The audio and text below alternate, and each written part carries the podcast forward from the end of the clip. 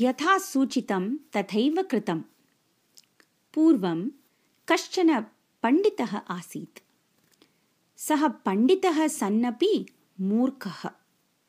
कदाचित् सः ज्वरेण ग्रस्तः सन् वैद्यसमीपम् अगच्छत्। वैद्यः तं परीक्ष्य उक्तवान् भवता लङ्घनं करणीयम् इति। अयं पण्डितः गृहं गत्वा लङ्घनपदस्य अर्थं कोशे दृष्टवान्। कोशे तस्य पदस्य अर्थः लिखितः आसीत् उल्लङ्घनम् उत्पतनम् इति। तस्य गृहस्य पुरतः एव पूतिगन्धवाहिनी कुल्या आसीत्। सः मूर्खः पण्डितः तस्याः एकस्मात् पार्श्वात् अपरं पार्श्वं प्रति पुनः पुनः उत्पपात। तेन तस्य ज्वरः अधिकः जातः। तदनन्तरदिने सः वैद्यम् उपसर्प्य मम ज्वरः अधिकः जातः इति उक्तवान्। वैद्येन सूचितं सैन्धवलवणं सेवनीयम् इति।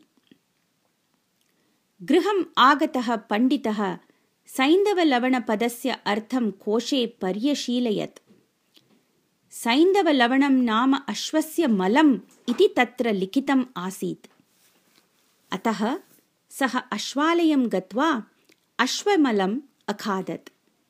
अनेन तस्य ज्वरः इतोपि प्रवृद्धः। परेद्यवि पूर्ववदेव सः वैद्यालयं गत्वा वैद्यम् अवदत् मम ज्वरः अधिकतरः जातः इति। तदा वैद्येन सूचितं कण्ठकारिकषायः सेवनीयः इति। तदा अपि गृहं गतः वैद्यः कोशम् अपश्यत्। कण्ठकारिः नाम पादरक्षा इति कोशे लिखितम् आसीत्। सः पण्डितः जीर्णां पादरक्षां जले स्थापयित्वा सम्यक् क्वथयित्वा कषायं सज्जीकृत्य पीतवान्। तस्मात् ज्वरः नितरां प्रवृद्धः सोढुम् अशक्यः च जातः। सः सेवकं सम्प्रेष्य वैद्यं स्वगृहम् आनायितवान्।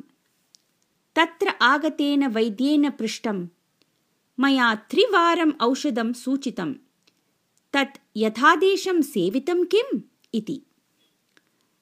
भवता यथा सूचितं तथैव कृतं मया इति अवदत् पण्डितः भवता किं किं सेवितं? विस्तरेण वदतु तावत् इति अवदत् वैद्यः। भवता लङ्घनं कर्तव्यम् इति उक्तम् आसीत्। मया कोशे तस्य अर्थं परिशील्य पुनः पुनः कुल्यायाः उल्लङ्घनं कृतम्। सैन्धवलवणं सेवनीयम् इति भवता सूचितम् आसीत्। कोशं दृष्ट्वा तस्य अर्थं ज्ञात्वा अहम् अश्वमलम् अखादम्।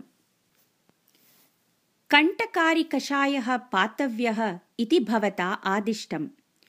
मया पादरक्षाकषायः पीतः इति। अहो मूर्खता भवतः। लङ्घनं नाम उपवासः। सैन्धवलवणं नाम लवणविशेषः। न तु अश्वमलम्। कण्ठकारिः कश्चन मूलविशेषः तस्य कषायः पातव्यः आसीत्। किन्तु भवता पादरक्षाकषायः पीतः। आस्तां तावत् तत्सर्वम्। शीघ्रं पुरोहिताय वार्तां प्रेषयतु यत् अचिरात् एव अत्र आगन्तव्यम् इति। इति उक्त्वा ततः निर्गतवान्। वैद्यस्य वचनस्य कः आशयः इति भवन्तः एव चिन्तयन्तु